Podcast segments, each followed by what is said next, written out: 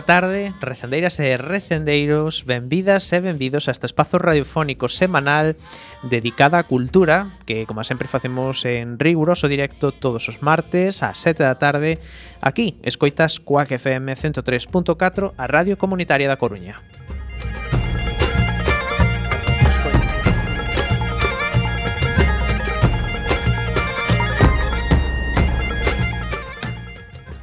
A Agrupación Cultural de Sandra Bóveda presenta este programa que podes escoitar en directo a través de internet na páxina da emisora coacfm.org barra directo e tamén na aplicación móvil. E se non chegastes a tempo, non tendes excusa, porque podedes descargar, como sempre vos dicimos e recordamos, todos os programas no Radioco, que é o servicio de podcast da nosa emisora, ou tamén podedes escoitalo se vos coincide na redifusión, que será os mércores ás 8 da mañá, os venres ás 4 da tarde e na madrugada do domingo ao luns ás 12 da noite.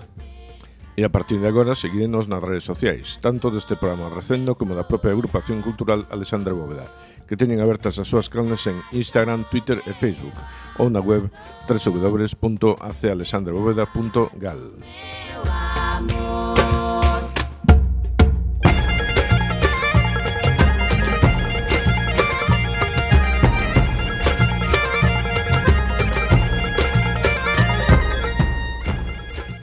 Pois xa sen máis, imos caralo, iniciamos outro episodio máis desta fantástica aventura cultural. Oxe temos a Roberto Catoira, no control técnico e falando e escoalma no micrófono, Roberto Catoira e Miguel Anxo Facal.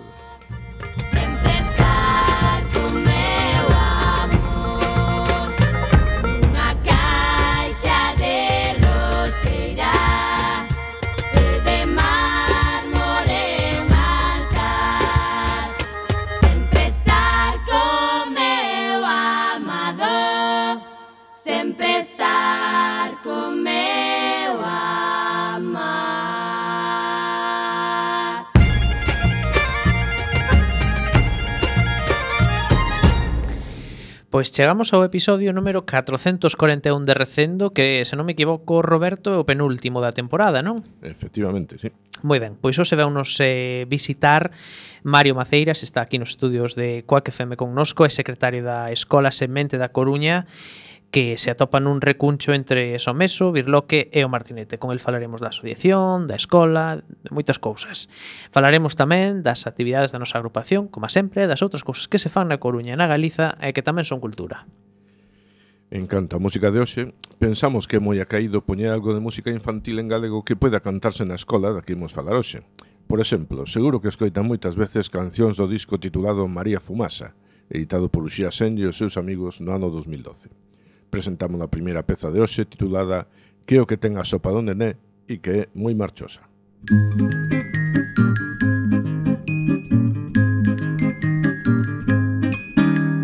Quiero que tenga sopa don nene. Quiero que tenga sopa don nene. Será que tenga espinacas. Será que ten maracas. Será que ten feijón. será que ten Xabrón E un, e dous, e tres. Un, dois, tres. Que o que ten a sopa do nene. Que o que ten a sopa do nene. Será que ten fariña. Será que ten Galiña. Será que ten macarrón. Será que ten Mandilón. E un, de dos, de tres. Un, dos y tres. Quiero que tenga sopado, nene. Quiero que tenga sopado, nene. Será que tenga batillo. Será que tenga. Aluminio. Será que ten berenjena. Será que ten. Varicela.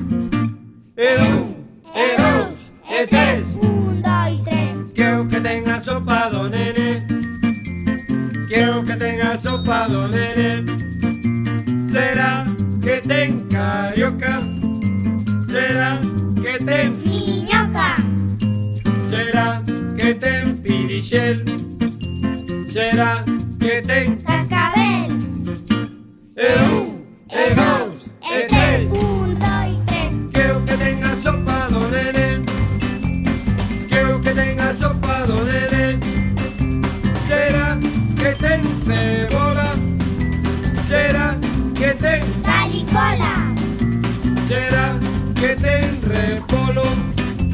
Será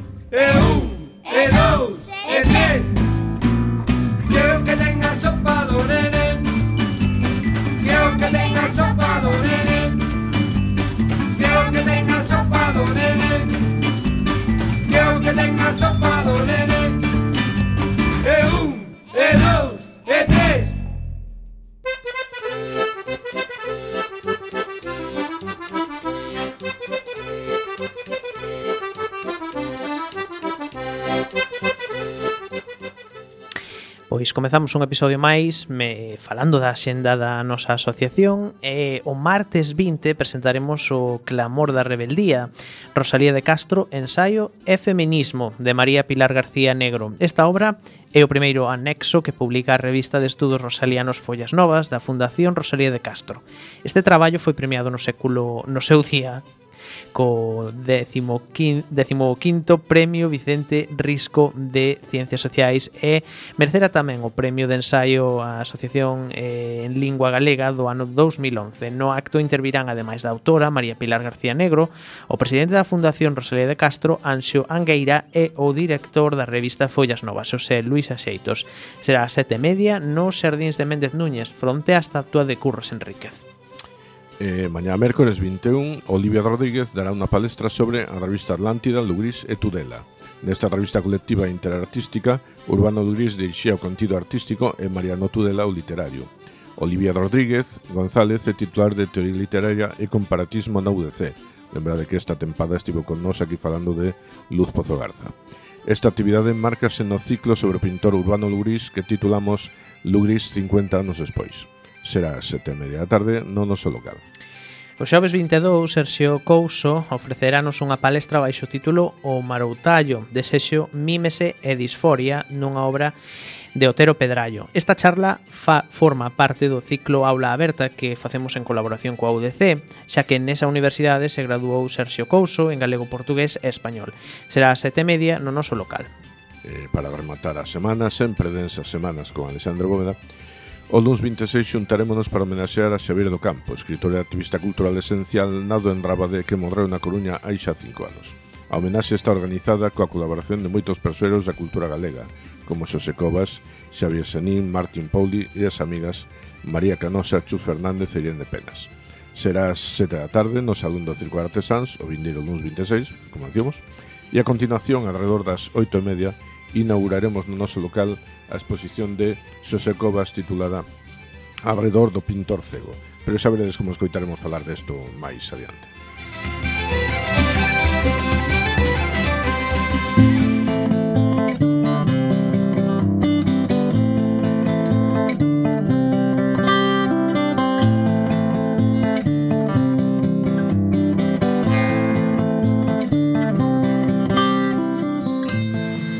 E agora é o momento no que destacamos o que vai pasar na Coruña durante esta semana. Eh, Hans Deffler Sieg foi un director de cine alemán que fuxiu do seu país en 1937 debido ao nazismo e que chegado a Estados Unidos pasou a chamarse Douglas Sirk para converterse no rei do melodrama e referencia de cineastas como Almodóvar. Podedes ver algunhas eh, películas da súa etapa alemá como Pilares da Sociedade, a Novena Sinfonía ou Concerto na Corte ao longo desta semana.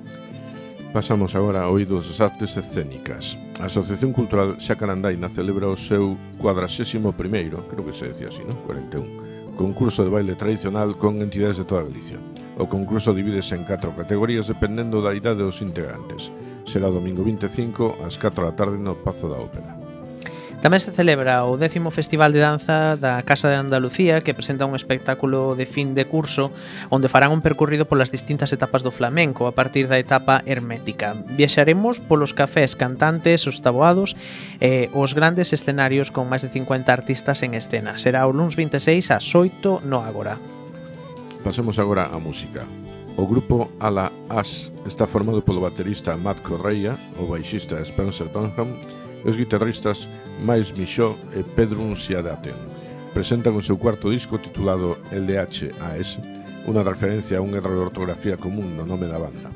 Tocan os xoves 22 ás 8 e media da tarde no Agora dentro do ciclo Selección Sonora. É unha das sensacións da música galega nos últimos tempos é o dúo formado pola cantante Laura Lamontagne e DJ Pico Amperio. Presentan o seu primeiro disco titulado Algo que sinalar, no que interpretan principalmente cantigas medievais galego-portuguesas a través de bases de trip-trop. Non sei o que é iso, pero bueno, noso... Trip-hop. Trip-hop.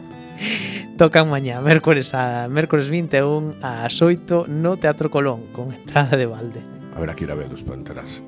Eh, comeza o verán para a banda municipal e saen de xira a diferentes escenarios da cidade. Nesta ocasión tocan no Foliagra, un programa con pezas de Cesarini, Reed, Borsak ou Teo Aparicio, baixo a dirección de Juan Miguel Romero Llopis.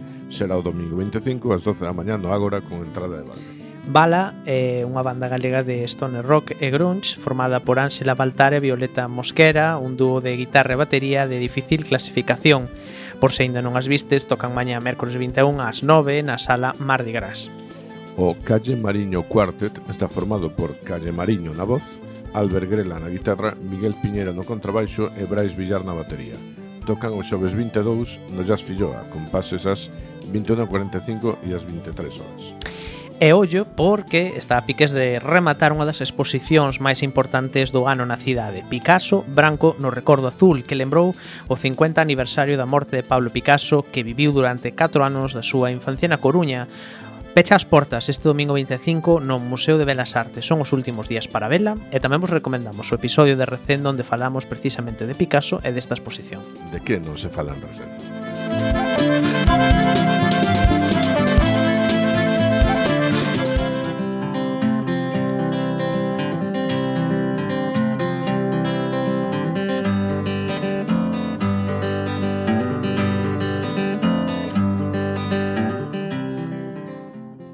E chegamos á terceira parte da nosa xenda, que como sabedes é a xenda da Galiza, das cidades principais.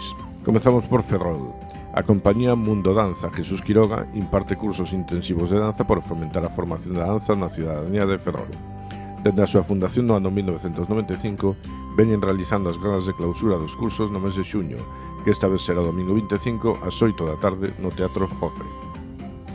A semana na cidade amurallada definese con dúas palabras, Arde Lucus. Xa leva máis de 20 anos lembrando o legado romano na cidade, poderíamos velo como gran San Froilán do mundo romano.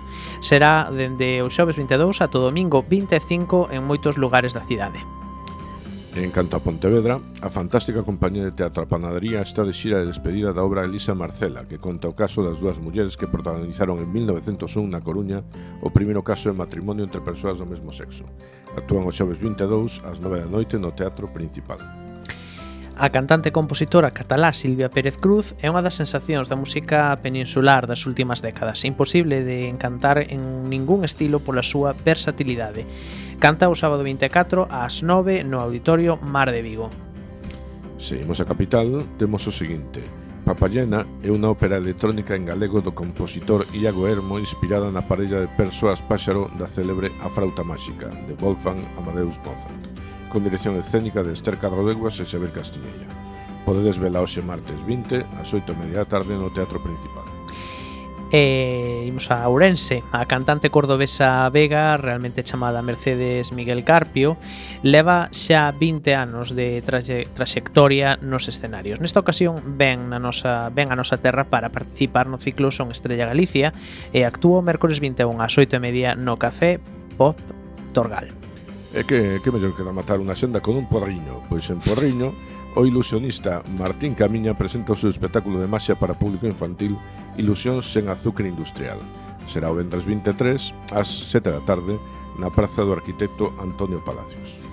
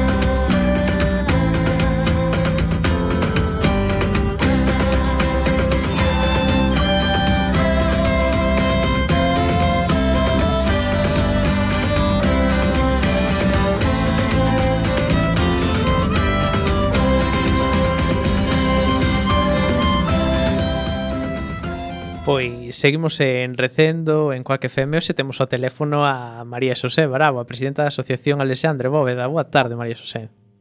Hola, moi boa tarde. Temos que repetir isto máis veces, eh? Sí, sí, nada, nada. Aquí estamos sempre sempre dispostos. Oxe, que tiñamos agora unha presentación aquí diante da estatua de, de Curros do libro de Pilar García Negro e empezanos a chover. Así que teremos que volver para o local, Vaya, pois... tenemos pouco tempo, pero eu xa sabedes que estou sempre disposta. Pois, xusto por isto te iba a preguntar despois, eh, acá, eh, nós estamos aquí no estudio, non sabemos nin que estaba chovendo, así que nos acabas de dar a última hora. Pero, María Xosé, eh, queremos falar contigo do que vai pasar o lunes 26 eh, na Alexandre Bóveda, porque imos homenaxear a Xavier do Campo. Contanos. Sí, Pois mira, ese, ese día, non o, o 26 de xuño, neste caso do ano 2018, é dicir, hai cinco anos, deixou non saber Puente do Campo. Entón, en, bueno, pois son as amizades e a, a, a súa familia que queren organizar esta, esta homenaxe, será a sete da tarde, farémola no, no salón principal do Circo de, de Artesáns, e iso, bueno, pois coa idea de, de recoñecemento e tamén de, de festexar como coñecimos, non? De festexar Eh, eu son das persoas que me considero amiga persoal de, de Xavier e seguramente son os centos e centos os que, as que decimos eso mismo, sobre todo ensinantes, e sempre con esa enerxía, sempre generoso para ir a donde o chamabas, ese mestre, ese escritor, ese contacontos, ese actor que foi de teatro, guionista, e, bueno, e un agitador cultural, un defensor da lingua e da cultura galega, un animador de, da lectura, foi premio nacional Nacional de, de Literatura Infantil e Juvenil, un dos grandes nomes de, da LIS, non? da literatura infantil e juvenil galega, non? Foran, no seu caso, por ese libro maravilloso de Cando petan na porta pola noite, non? pero, bueno, serán, faremos primeiro un encontro onde serán un grupo de, de amizades del que falarán del, será María Canosa, Chus Fernández, Irene Penas e Martín Pauli, e, bueno, un pouco recordando todo todo que todo ese tempo maravilloso que poidemos disfrutar del. E logo, unha vez que acabemos esa, esa xuntanza, será aí sobre as oito e media, pois faremos a inauguración de unha, de unha exposición de Xosé Covas alrededor do Pintor Cego, ese, ese álbum mm, do pintor cego, mm, bueno, que é un texto de, de Xavier e que el non, non o veu rematado e tamén, bueno, pois esa, esa homenaxe. Entón, convidamos a todo o mundo, luz 26 de xuño, ese mesmo día, hai cinco anos que nos deixaba Xavier, e nos queremos lembrarlo pois con alegría e por, por telo coñecido e por todo o que el nos, nos deixa, non? Mm. Eh, repetimos, o lunes 26 a iso das 7 da tarde no salón principal, dixeches, do Circo de Artesáns, sí, que o salón principal é o que está na parte na, na, entrada, na entrada, na entrada, verdad, no espacio grande, porque, sí. bueno, a mm. Asociación mm. Alexandra Bóveda, para que non o saiba, está no primeiro andar, pero aí vai ser porque hai máis espazo, non, María José? Hai, bueno, pois, pues, eh, outro sí, ambiente. Sí. Digamos. Bueno, tamén por, porque así nos permite ter eses dous lugares, un, un lugar para, para ese encontro e logo pois, faremos a inauguración ao redor das oito e media da, da exposición de Xosé Cova xa no noso espazo, non? E permite pois, eses dous, dous lugares. Moi ben. Pois luns 26 ás 7 da tarde na Alexandre Bóveda no Circo de Artesáns, Rúa Santo André. Eh, María Xosé, moitísimas grazas. Moitísimas grazas a vos. Un placer, como sempre. Igual, unha aperta. Hasta logo. Chao. Eh, seguimos en Recendo. Eh, Agora sí, comezamos, eh, coa a nosa parte da entrevista, entrevista. Roberto, con que imos falar hoxe? Hoxe imos tocar un tema que hai moito tempo que non tocamos Pero que sen dúbida tamén forma parte do universo de simpatías de Recendo. Eh, Calquera cultura non ten asegurada a súa supervivencia Se non se ocupa do fundamental transmisión de, eh, da mesma. Non se precisa moito tempo para que unha cultura caia no esquecemento Cun par de xeracións é suficiente para que desaparezan eh, un dos modos de transmisión xunto con outros é a educación. Os nosos convidados esta tarde realizan o seu traballo neste ámbito. O proxecto co que imos conversar é a Escola Semente da Coruña. É unha iniciativa pedagóxica que ten por objetivo dar cumprimento aos dereitos das crianzas en materia de educación. As súas principais preocupacións son que os cativos vexan respetado o seu dereito a recibir unha educación en galego, feminista e descolonizada. Non é doado por esta zona. Non? Do mesmo xeito, velan porque as crianzas poidan coeducarse e autorregular os seus procesos de aprendizaxe.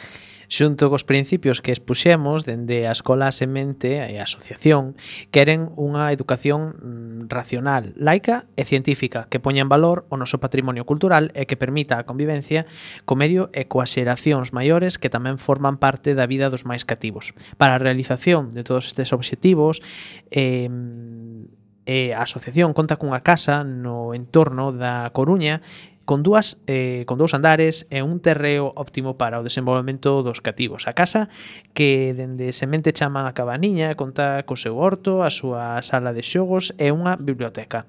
Nestas instalacións realizan campamentos de verán, de inverno, obradoiros de inglés, yoga e formación sobre os máis variados temas. Para falar de todos estes temas que do que falan en semente, temos hoxe connosco a un dos seus responsables, o secretario da asociación, eh, Mario Maceiras, que nos veu visitar aquí a, a Quack FM, os estudios da Zapateira. Moi boa tarde, Mario. Hola, moi boa tarde, graciñas. Nada, gracias a ti por estar aquí, que é un placer falar contigo. Eh, queremos que nos contes canto tempo levades traballando en Semente. Eh, bueno, Semente hai varias, non? Diso falaremos ao longo da entrevista, pero vamos centrar nesta de Coruña.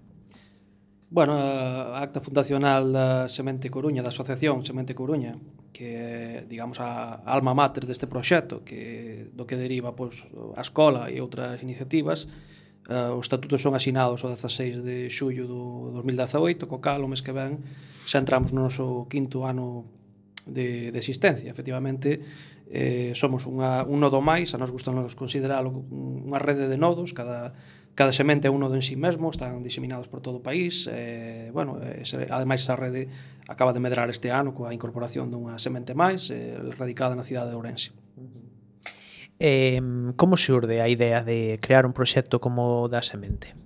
Eu non estive Que votabades en falta? Eu non estive nese proxecto, nese momento fundacional, eu cheguei moito máis tarde, eu son prácticamente un recén chegado, pero as persoas que, que de entrada o puxeron a andar, pois eran en xeral pais e nais de familia, eh, cunha inquedanza común eh, nunha cidade pois moi belixerante en certos eh, aspectos aínda co noso idioma, co galego, e que vían que, bueno, que percibimos moitas veces paisanais, eh, a maioría dos logos que chegamos aquí, e tamén compartindo esa inquedanza común, de que é moi complicado escolarizar hoxendía unha crianza en galego nesta cidade. E o máis probable é que unha persoa, un, unha crianza, un neno, unha nena, que se incorpora a un dos centros de ensino da igual prácticamente do ámbito público-privado, pois en cousa de meses, cando non semanas, pois prácticamente será monolingüe en castelán.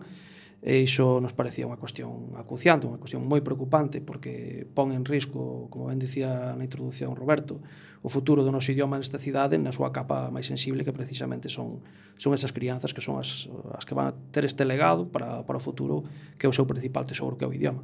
Mm. Dicir que as familias notades que o sistema educativo público galego, xa non digamos o privado, non?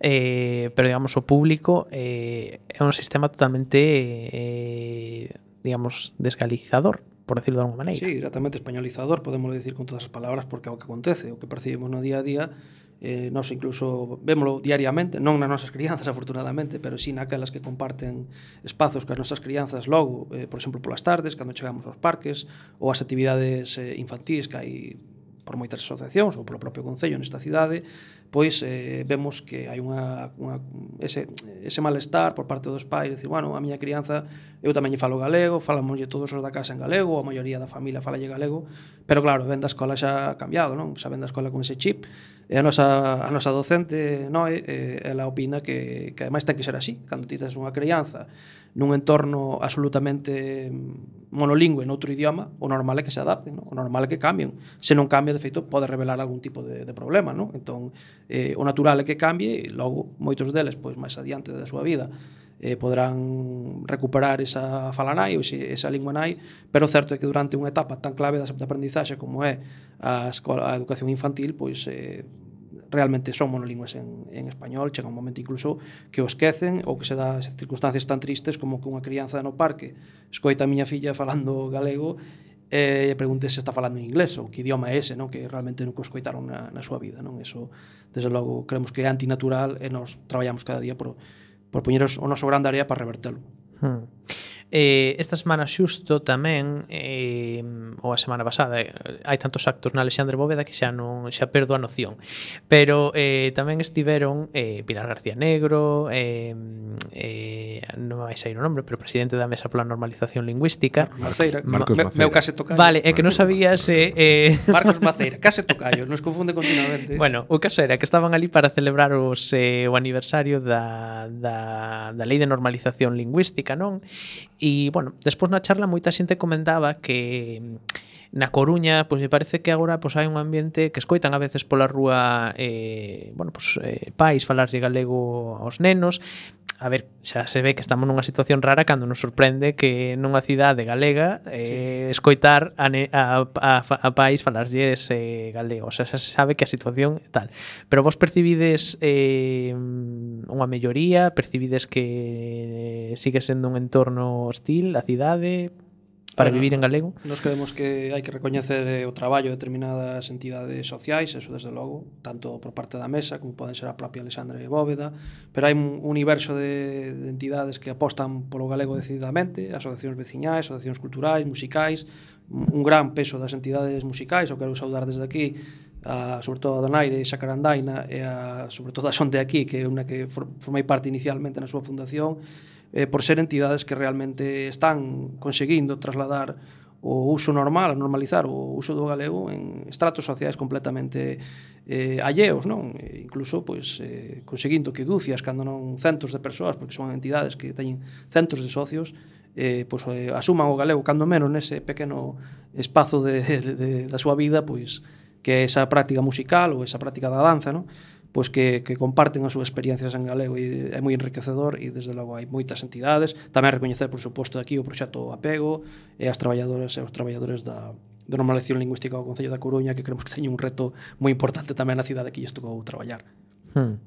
Eh, pero non sabemos se desde o Concello da Coruña podría facer un pouco máis. Home, eso, desde logo, nós sempre creemos que se pode mellorar o que se fai e, e bueno, o que se percibe aínda é insuficiente, non? Desde o noso punto de vista, Tendo moi... en conta que, por certo, hai sí. unha ordenanza de normalización de normalización lingüística e apoio da lingua galega polo Concello da Coruña que moitas veces vemos como que se incumpre, non? Porque a veces presentanse actos ou cartéis de a, eventos patrocinados polo Concello eh, en castelán, que iso é un pouco raro. Sí, ou incluso se ten dada a circunstancia que un, un evento me, medio relacionado con a normalización lingüística resulta que hai máis actuacións en idioma castelán que en, que en propio idioma galego.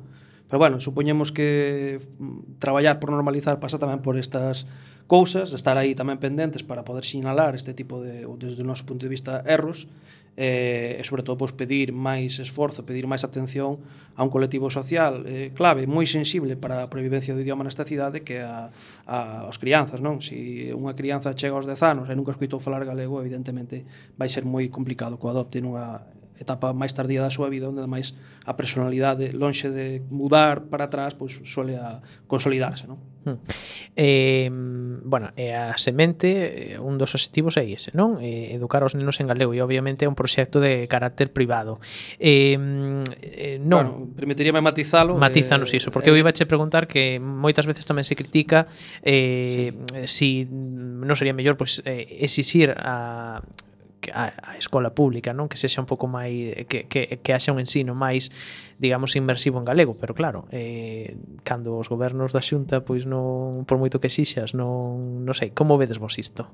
A ver, un dos nosos principios evidentemente fundacionais é a inmersión lingüística en galego, non? Non é só eh, normalizar o uso do idioma, sino crear ese pequeno reduto diario onde unha crianza desta cidade, ou incluso do, do alén desta cidade, porque hai xente de toda a comarca. Eh, temos persoas que teñen chegado hasta de Paderne, de Paderne hasta, hasta a Tarteixo, non?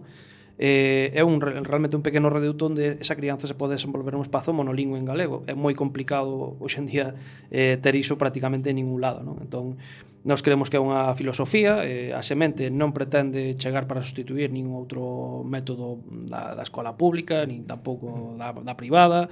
Non pretendemos tampouco presentarnos como escola alternativa, unha cousa un poquinho detrupada nos tempos que corren, senón pois como unha posibilidade, non? Eh, a, a semente pretende ser eh, ou facer cumprir ou garantir certos dereitos que hoxendía pois, non os vemos recoñecidos en ningún outro en ningún outro espazo, tristemente é así dicilo, prácticamente unha crianza que queiramos que esa primeira etapa, falamos sempre dos 2 ata os 6 anos, ata que comeza a etapa de educación infantil obrigatoria, eh, poidan pasar ese tempo pois, nunha, nun proxecto educativo mm, sin ánimo de lucro, aínda que se nos ten etiquetado moitas veces de privado, aí tamén, desde logo, entraremos hoxe sin ningún tipo de problema, porque o que hai que facer ante a desinformación sempre é aclaralo e explicar o mellor posible, eh, tendo en conta que partimos dunha asociación sin ánimo de lucro. Aquí non hai eh, Consello de Administración, non hai unha, un empresario oculto que leve beneficios, absolutamente todo o canto euro entra por esa, por esa porta pois vai redestinado, redestinado ao proxecto, a mellorar o noso espazo, a mellorar a calidade educativa, Oxalá tamén o día de mañá poder eh, ampliar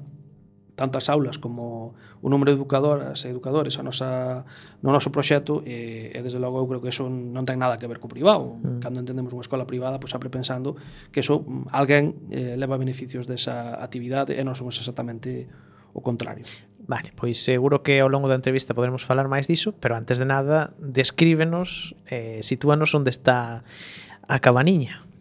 Bueno, pois Cabaniña está no, no mellor espazo da Coruña, que é o pouco rural que aínda queda vivo, prácticamente intacto, que é a, o lugar da cabana, no? que está encastrado, ademais, pois, nun, nun barrio emerxente, como pode ser o Birloque, entre o Birloque Martinete e, e Meso, o que algúns ahora dan en chamar Monte Martelo, a nova entidade social que está montando no barrio, recolliu ese nome tradicional de Monte Martelo, pero en todo caso está encastrado en pleno val do río Mesoiro, que tamén sufre retos importantes, evidentemente, que temos que asumir, pero eh, nos eh, confire esta vantaxe espacial ou esta vantaxe territorial de poder prácticamente ter unha escola aberta ao, a un val a un val desnaturalizado, evidentemente, como prácticamente toda a Coruña, pero que aínda corre un, un río por ali, no? que ten a súa historia e ten o seu, a súa natureza. O noso quintal ou a nosa horta, ou como lle queramos chamar, pois é un auténtico, é a nosa xoia Da Coroa e ao que seguramente tamén a empuxa moitos pais e nais a tomar a decisión de finalmente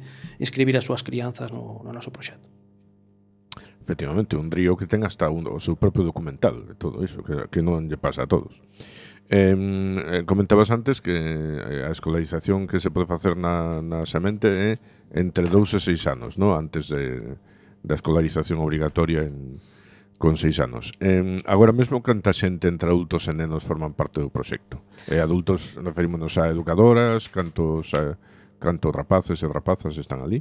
E ahora mesmo contamos con oito crianzas eh, este ano. Acabamos, empezamos con sete, acabamos con oito e agora para o ano que ven empezamos con nove xa. Ainda temos, así, así dicilo, sin ampliar, teríamos ainda tres eh, vagas disponibles para, para este ano. Eh, acabamos de entregar a, o carné número 107 eh, de socia, eh, dos cales evidentemente non todos seguen activo, tamén hai unha importante parte da, desa base social que está eh, no proxecto durante o tempo que a súa crianza poda formar parte del, despois unha vez que evidentemente a crianza vai para unha escola eh, vai para outra escola, pois eh, a veces pois pasa que se des, acaban desvinculando, outros non, outros seguen para toda a vida, e tamén é moi sorprendente que deses 107 socios unha gran parte, cando non a maioría, pois son persoas que nin siquiera teñen eh, fillos e fillas en idade escolarizable, que xa pasaron, si que teñen fillos xa están moi maiores, pero que, que creen, comparten estes principios dos que, dos que estamos hoxe falando aquí, e que queren apoiar eh, a que durante estes cinco anos o proxecto poida sobrevivir, é un proxecto evidentemente cun, cun costes económicos, falamos de, de salarios, falamos do aluguer do propio espazo, falamos de, de un importante esforzo por parte das familias, que somos eh, a maior parte da, dos ingresos nosos veñen das familias desas crianzas que están aí inscritas en un momento dado, e tamén pois, desa inmensa, desde o noso punto de vista, base de socios e socias sin os cales sería absolutamente imposible que isto seguise adiante despois dun lustro.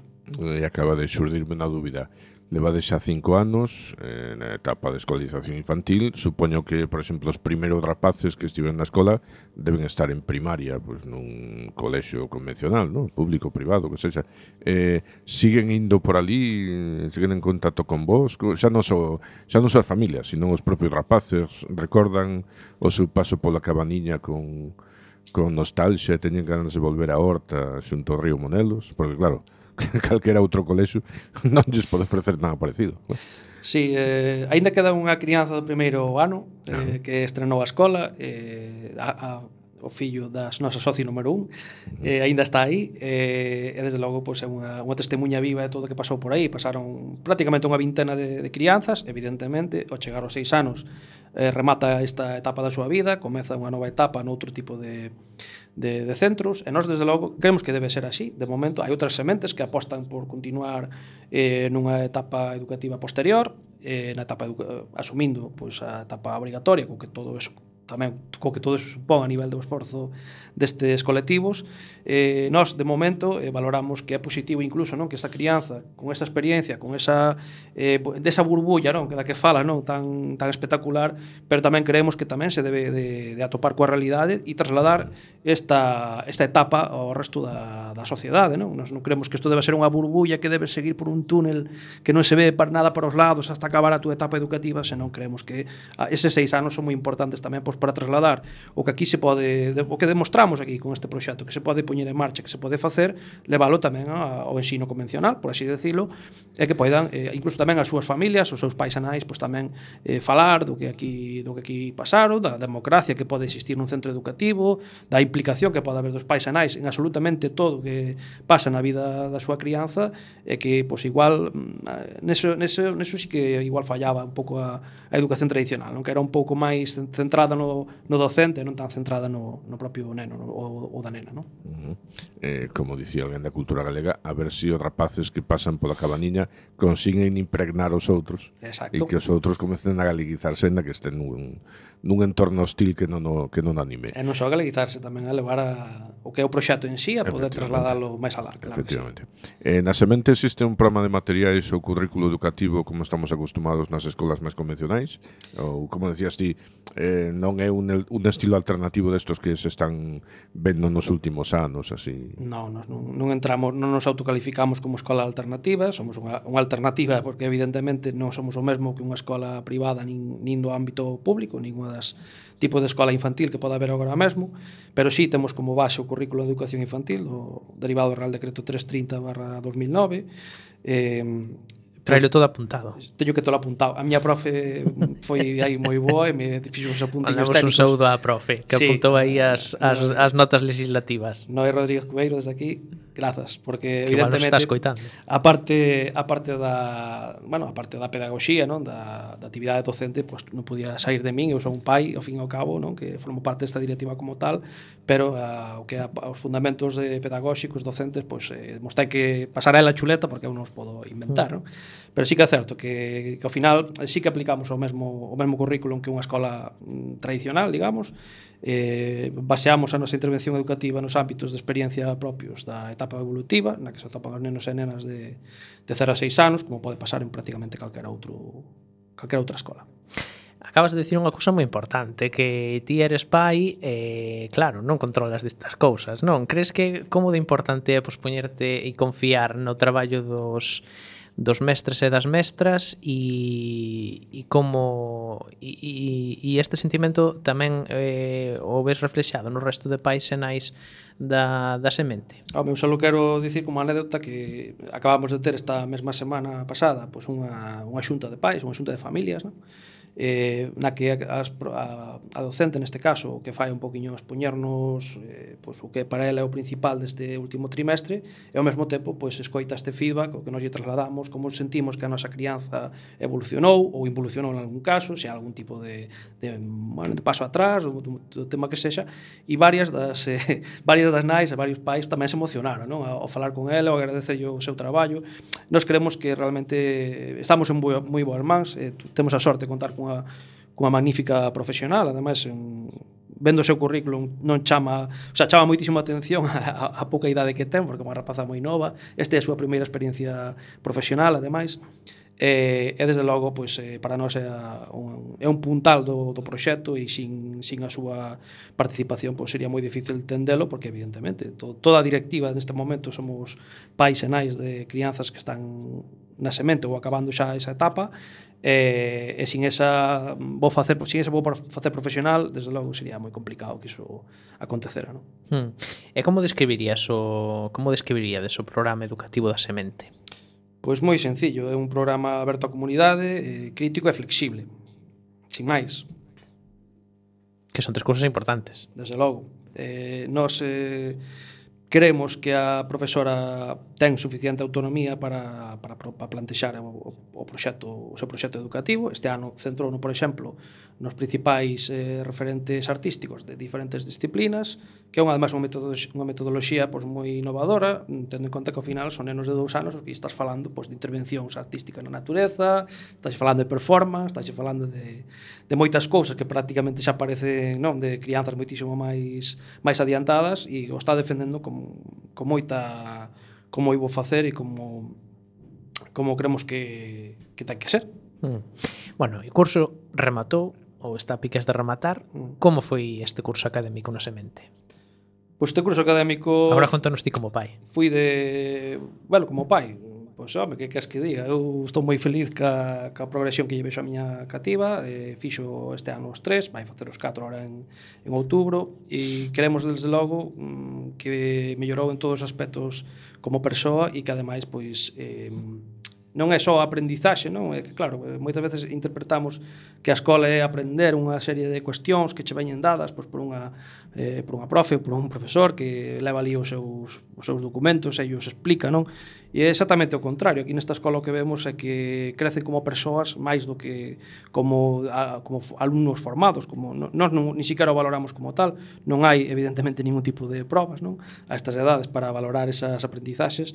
Si que valoramos moito como se comportan socialmente, como se comportan eh, asembleariamente. Teñen unha práctica eh, absolutamente asemblearia no seu día a día. Eh, teñen unha eh, práctica onde as súas eh, sensacións, as súas emocións teñen un papel moi destacado, teñen poder de decisión sobre o que se fai cada día na aula, eh, hai unha asamblea cada día onde eles deciden o que lles apetece facer. Hai días, a min, chama moita atención, eh, que non lles apetece sair ao, ao quintal, sair ao, ao, a, esa, a ese espazo natural, pois están cansos, prefiren facer outra, outro tipo de actividade, non?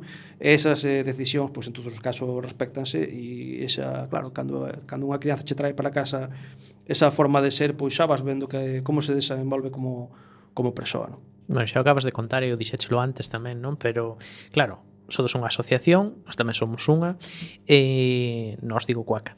Eh, mm, estar nunha asociación eh, tamén lles ensina outras cousas máis que aprender conceptos eh, este tipo de cousas eh, e o que decías ti, por exemplo de ser, o de ter eh, asembleas, todo iso eh, tamén traslada, pois, por exemplo valores democráticos e todo eso, ti crees?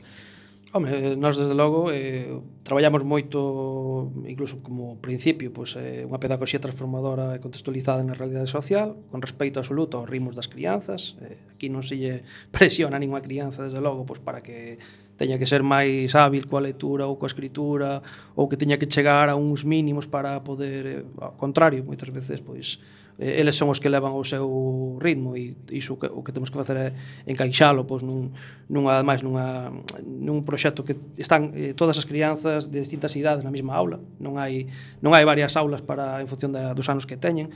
Queremos que tamén iso é moi enriquecedor para eles porque evidentemente pois, a, as eh, aprendizaxes que poden levar as crianzas maiores pois son compartidas cas máis miúdas, non? E, que iso... tamén como se fixo, por exemplo, nas escolas eh, rurais toda a vida, non? Exactamente, sempre estaban todos todos xuntos e revoltos e eso ao final pois era era positivo porque as experiencias axudáballes e, e tamén nos noso caso podemos eh, tamén presumir de que as máis adultas son moi moi compañeiras, moi boas compañeiras das máis pequenas, eh, saben as eh, integrar, non bueno, non sentimos desde logo que haxa ningún tipo de, de exclusión polo feito de, de que unha crianza teña dous anos e outra seis anos. A, alén evidentemente daquelas de, do ámbito cognitivo, do ámbito intelectual que por suposto hai, hai diferencia, non vamos a negalo é físico tamén, non? pero bueno, eh, van todos máis ou menos ao, ao, a un ritmo eh, é unha cousa moi positiva para nós. Eh, Mario, eh, bueno, lembremos a toda a audiencia que estamos en Resendo, eh, Coac FM 103.4 da Coruña, e que estamos hoxe con Mario Maceira, secretario da Escola Semente da Coruña. Dicíasnos antes que Semente está integrada na rede, formada por varios nodos. Eu se non lembro mal, isto comezou en Santiago, en Santiago creo que incluso hai, hai varias xa. Mm. En Trasancos, en Vigo, nos decías antes que en, en Ourense acaba de abrirse outra, non? En Lugo. En, en Lugo, ah, vale. Uh -huh. eh, cal é a relación entre esas diferentes sementes? En realidade, comportámonos como asociacións completamente diferentes. Cada unha ten os seus propios estatutos, máis ou menos diferenciados, eh, ten a súa forma de traballar. O, nós temos, por exemplo, o noso proxecto educativo de centro aprobado este mesmo ano, eh, que non creo que teña que non creo que sea igual ao de ninguna outra semente, desde logo, Pero sí que temos ese punto en común, como decía ao principio, nos expresámonos como unha rede de nodos, e cada un deses nodos medra por separado, pero logo tamén nos encontramos nesa asamblea da, do que nos chamamos Semente Nacional, a Asociación Semente Escola de Ensino Galego, donde se pois, contrastan experiencias, eh, tamén os erros que se poden cometer se poñen en común, se edita material divulgativo común, eh, libros ou material tamén de tipo textil, incluso merchandising, non? Eh, e se fan, evidentemente, ao ano tamén algunhas actividades en conxunto, non? Eh, entón, digamos que somos como partes que engrosamos un todo e alimentamos un todo. Eh, ese todo, pois, evidentemente, ten moito que ver coa escola inicial, que foi a de a semente de Santiago, de Semente de Compostela, eh, que foi a raíz dunha iniciativa de Xentallo do Pichel, que iniciou toda esta toda esta tolemia, no? que realmente se está convertendo pois nun, nun modelo de, de país e nun modelo onde nos gustaría que a, o ensino tradicional, tal vez un poquinho máis eh, reticente a a este tipo de, de digamos de innovacións e de progresos pois eh, debería haberse reflexado, nos gustaríanos desde logo que así fose e que se que se nos vira sempre como un como un modelo, como un exemplo do que se pode facer, tamén, tamén dos erros que non se deben cometer, probablemente, non sempre os hai, eh, e non como un inimigo ou como unha competencia. Non? Eh, xa dixeches que sodes no razonablemente autónomos, no? que, que te toman as vosas propias decisións, pero aparte de que os pais, educadores ou tal, vos xuntedes para tomar acordos comuns e aprender uns outros, facedes alguna actividade en común cos propios rapaces, uns van de visita a outros ou algo así polo estilo? Sí, eh, nos este ano unha, esta, esta nova directiva que estamos actualmente tomou, digamos, eh, posesión en xullo do ano pasado, non lembro mal, E este ano prácticamente dedicámoslo un, a dous eixos fundamentais. Primeiro, aproveitar este formidable espazo que temos polas tardes, non? porque era prácticamente unha hora morta, non había ningún tipo de actividade. Eh, vamos a intentar poboar a, a semente de actividade polas tardes, porque é unha pena que ese espazo este infrautilizado, e por outro lado a popularizar a, a iniciativa. Eh, nós percibíamos que había un, un déficit grande de coñecemento do que era a escola na cidade, incluso no propio barrio do Birloque eh, había persoas que tiñan aínda máis fresco esa cabaniña, non? que xa era unha escola infantil, pero daquelas toda a vida, un xardín, un xardín de infancia que chamamos antes, eh, tiña máis presente esa realidade pechada no 2015 que, que había actualmente ali unha actividade real non? entón este ano pois, prácticamente dedicámoslo a estes dous eixos e en canto ao primeiro eixo do que falaba sí que creo que conseguimos ese objetivo non? ese doble objetivo en realidade porque unha cousa nos, nos eh, axudou a outra pode que ti non teñas eh, interese de, neste momento, ou pode que o teñas no futuro, pero neste momento de eh, matricular a túa crianza na semente pola mañá, pero igual sí que che interesa participar nesa escola de música, ou che interesa participar nesa palestra sobre alimentación, ou che eh, interesa pois, vir a unha saída polo monte, que estamos organizando. Entón, eso serviunos tamén pois, para abrir as portas, para que moita máis, moitísima máis xente coñecera a semente. Tamén engrosamos a base da afiliación con máis incorporacións, que, como digo, se non, é que antes parecía que se non estabas a tua crianza ali, que non tiña moito sentido arrimarte, non, non tiñas moito que ir ali. E agora sí que creo que hai un, unha dinámica propia, temos un grupo de crianza tamén para as persoas que acaban de formar unha familia e que irán pois, compartir as súas experiencias con outras, ou da plial, claro, e que irán compartir esas experiencias con outras nais e, e pais.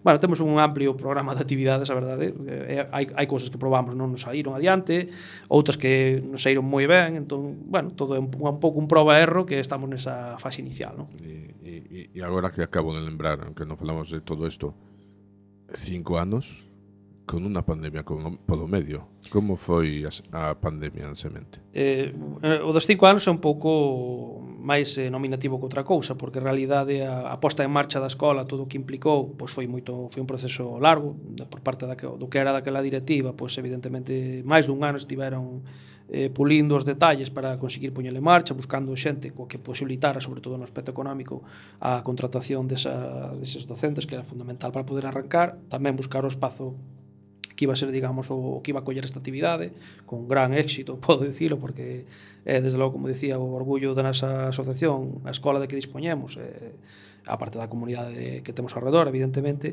pero, efectivamente, cando xa prácticamente todo estaba para arrancar, aí chegou a, o, o mazazo, non, de que prácticamente eh, cambiou todo. Pero, mm, bueno, aínda así, con ese problema polo medio, conseguiron poñerlo en marcha, pois, pues, evidentemente tomando as decisións na materia no ámbito eh, pois, eh, de saúde, non? da prevención do, dos posibles contagios que fosen oportunos e conseguiron arrancalo malia todo o problema que tiñan encima daquela. Eu desde aquí quero eh, saudar a primeira docente que non tivo prazer de coñecer, Gabriela, e tamén a todo ese equipo que posibilitou esta posta en marcha cun sacrificio non só de traballo, senón tamén económico, persoal de cada un, de cada unha desas familias, pois absolutamente brutal que hai que recoñecer. Hmm. Bueno, comentábamoslo tamén antes fora de micros, estábamos falando pois da do tecido asociativo da, da Coruña, non? E ti agora acabo de dicir tamén a, a digamos a pandemia foi un pouco eh, bueno, un mazazo para moitas cousas, non? Como crees que afectou ao tecido asociativo e sobre todo eh, en que se diferencia nese sentido a, a semente, porque vos aí tendes pois xente moi involucrada, non? E que estades aí moi participativa, non? bueno, eu creo que é como a todo, hai de todo. Hai xente que simplemente quere estar axudando no, no plano económico, outra que se acerca, pois un día faz unha limpeza ou faz unha, unha rozas o quintal, pois pasamos como nós. Claro, hai que hai que botar unha man eh, ou hai que habrá que sacar un día un caldeiro de pintura, de pinza pintar, etcétera. Pero eh, desde logo tampouco podemos eh, dicir que teñamos unha mm, unha gran comunidade, non? Somos unha comunidade bastante humilde aínda, pois a pesar deses eh, cento e pico socios, dos cais sobre 70 siguen eh, estando o corrente do seu, das súas cotas como afiliado, non? que realmente que iramos así, ou nunha asociación tradicional define o que é un socio do que non é, eh, non, non podemos presumir dunha amplia comunidade. A nós, desde logo, gustaríanos, pois, que eh, moito, sobre todo persoal do ámbito educativo que se acercara a nós, porque tamén é un, eu creo que temos que ver como un pouco un campo de probas, non? Aquí podemos probar, non temos un consello de administración que nos diga, "Ei, señores, que hai que producir tanto, que hai que ter este beneficio este mes, que hai que sacar 1000 euros porque senón tal." Podemos permitir o luxo de perder, podemos permitir o luxo de errar, non temos a ninguén que nos poida chamar a atención máis que nós mesmos, non? Eh, e a mí me gustaría, eh, como, esta é unha opinión moi personal, por suposto, pois que moitísima máis xente da comunidade educativa se achega a nós a coñecer o proxecto e ter, esa, ter ese tamén ese trasvase non? De, de información, de ideas, de formación, de, mm, non sei, sobre todo de, eso, de ideas non? E, e, de, e de erros tamén eu son apasionado dos erros, a mí gusta errar porque significa que o mundo avanza cando alguén se equivoca que está intentando algo que ninguén intentara antes eh, esa permeabilidade coa, co, co ensino tradicional é un poquinho no que estamos coxos e iso sí que nos gustaría poder eh, tender a corrixilo non? No, de cara ao futuro Pois eh, foi unha conversa moi interesante, Mario. Estamos te chegando ao final e o que non queremos que marches daqui sen que nos contes, por unha parte. Pois estabas dicindo que tende, estás aí plantexando moitas actividades para darlle vida a, esa, a ese quintal que tendes, a esa horta. Eh, contanos así algunha cousiña de actividades e logo despois dinos tamén como a xente se pode facer socia da, da, da asociación, da semente ou como levar as súas crianzas ali. Eu convido a quen nos este escoitando e lle suscitar a máis mínimo interese todo isto que se está dicindo aquí, sexa para a súa crianza, como digo, ou sexa que non teño crianza, pero gustaríame colaborar con esta xente porque creo que o que fai é interesante, sobre todo eh, esta filosofía de mergullo en galego, de inmersión en galego para crianzas de 2 a 6 anos nesa etapa tan sensible, que eu creo que é un, unha cuestión de, de interese social, de máximo interese social, non? Eh, pois que pode achegarse a nos a colaborar por calquera medio, non só no aspecto de poder colaborar económicamente ou coa súa forza de traballo, sino tamén incluso con ideas, non? Moitas veces pois eh, todas as ideas son benvidas, eu non lembro que ninguna idea se dixera a priori que non, todo se intenta levar a cabo eh, simplemente entrar á nosa página web semente coruña con nh.gal eh, E, e aí pois, está a nosa medios de contacto, mm, información para poder afiliarse, as actividades que vamos organizando. Mañá mesmo temos unha saída polo río Mesoiro para recolectar as ervas de San Xoán para o noso propio cacho na nosa casa e tamén aproveitaremos para falar un poquinho da toponimia, un poquinho das, das lendas, das tradicións da zona, non? Entón son cousiñas que eu creo que, que a todo mundo lle poden interesar e tamén que evidentemente que ir a inscribir a súa crianza na semente, pois eh, pode facelo, aínda quedan algunhas vagas para este ano, tres, tres ou catro vagas concretamente, e eh, tamén temos agora, arrancamos o día 26 co noso acampamento de verán, que tamén está prácticamente completo, pero aínda quedan algunha, algunha semana pois, disponibilidade, incluso pois, para aquela crianza que queira coñecer o espazo, disfrutar deste espazo, aínda que sexa por unhas semanas, antes de tomar unha decisión sobre o que hai facer o curso que ven que aparte o, seguro, o espazo de Cielo Ti seguro que é moi moi agradable no, no medio da cidade, non? nunha cidade como Coruña, pois ter este espazo verde e, e natural no que no que estar. Mario, agradecemosche moitísimo que tiveses vido aquí hoxe aos estudios José Couso de Coac FM na Zapateira a falar connosco quedas invitado para outra vez. Moitísimas grazas a vos, e eh, oxalá podamos estar en isto e eh, en outras propostas. Pois seguro que sí, grazas. E eh, nos en tempo para máis o deseas, imos chegando outra vez máis ao fin deste recendo, deste episodio.